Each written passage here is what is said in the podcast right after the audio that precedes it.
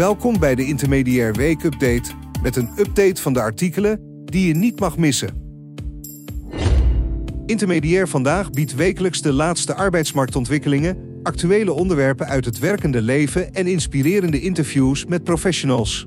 Ontvang waardevolle tips en inzichten om je carrière een boost te geven. Schrijf je in voor de Intermediair nieuwsbrief om geen enkele aflevering te missen.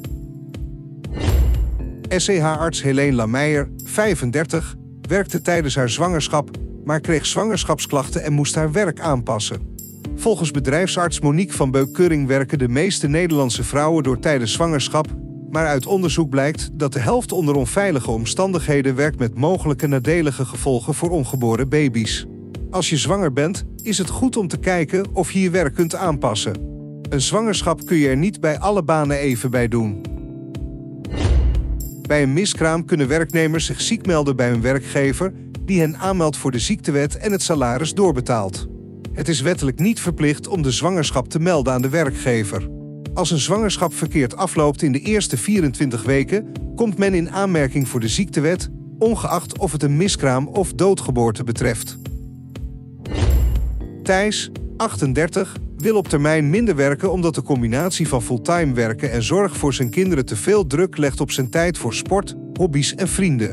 Uit de Emancipatiemonitor blijkt dat 1 op de 5 werkende mannen hun werkweek met gemiddeld 13 uur wil inkorten om meer tijd voor zichzelf te hebben, terwijl 40% eerder naar huis wil gaan om voor hun kinderen of kleinkinderen te zorgen.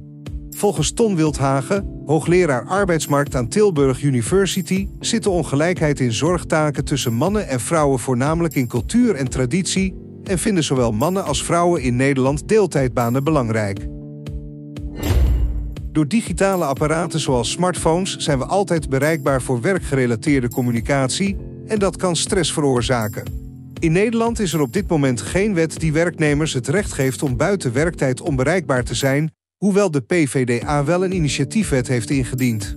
Om telepressure te verminderen, wordt aanbevolen om duidelijke grenzen te stellen en af te spreken met je werkgever wat de verwachtingen zijn rond het reageren op werkgerelateerde berichten buiten werktijd. Dit was de weekupdate van Intermediair. Lees en luister alle artikelen via intermediair.nl.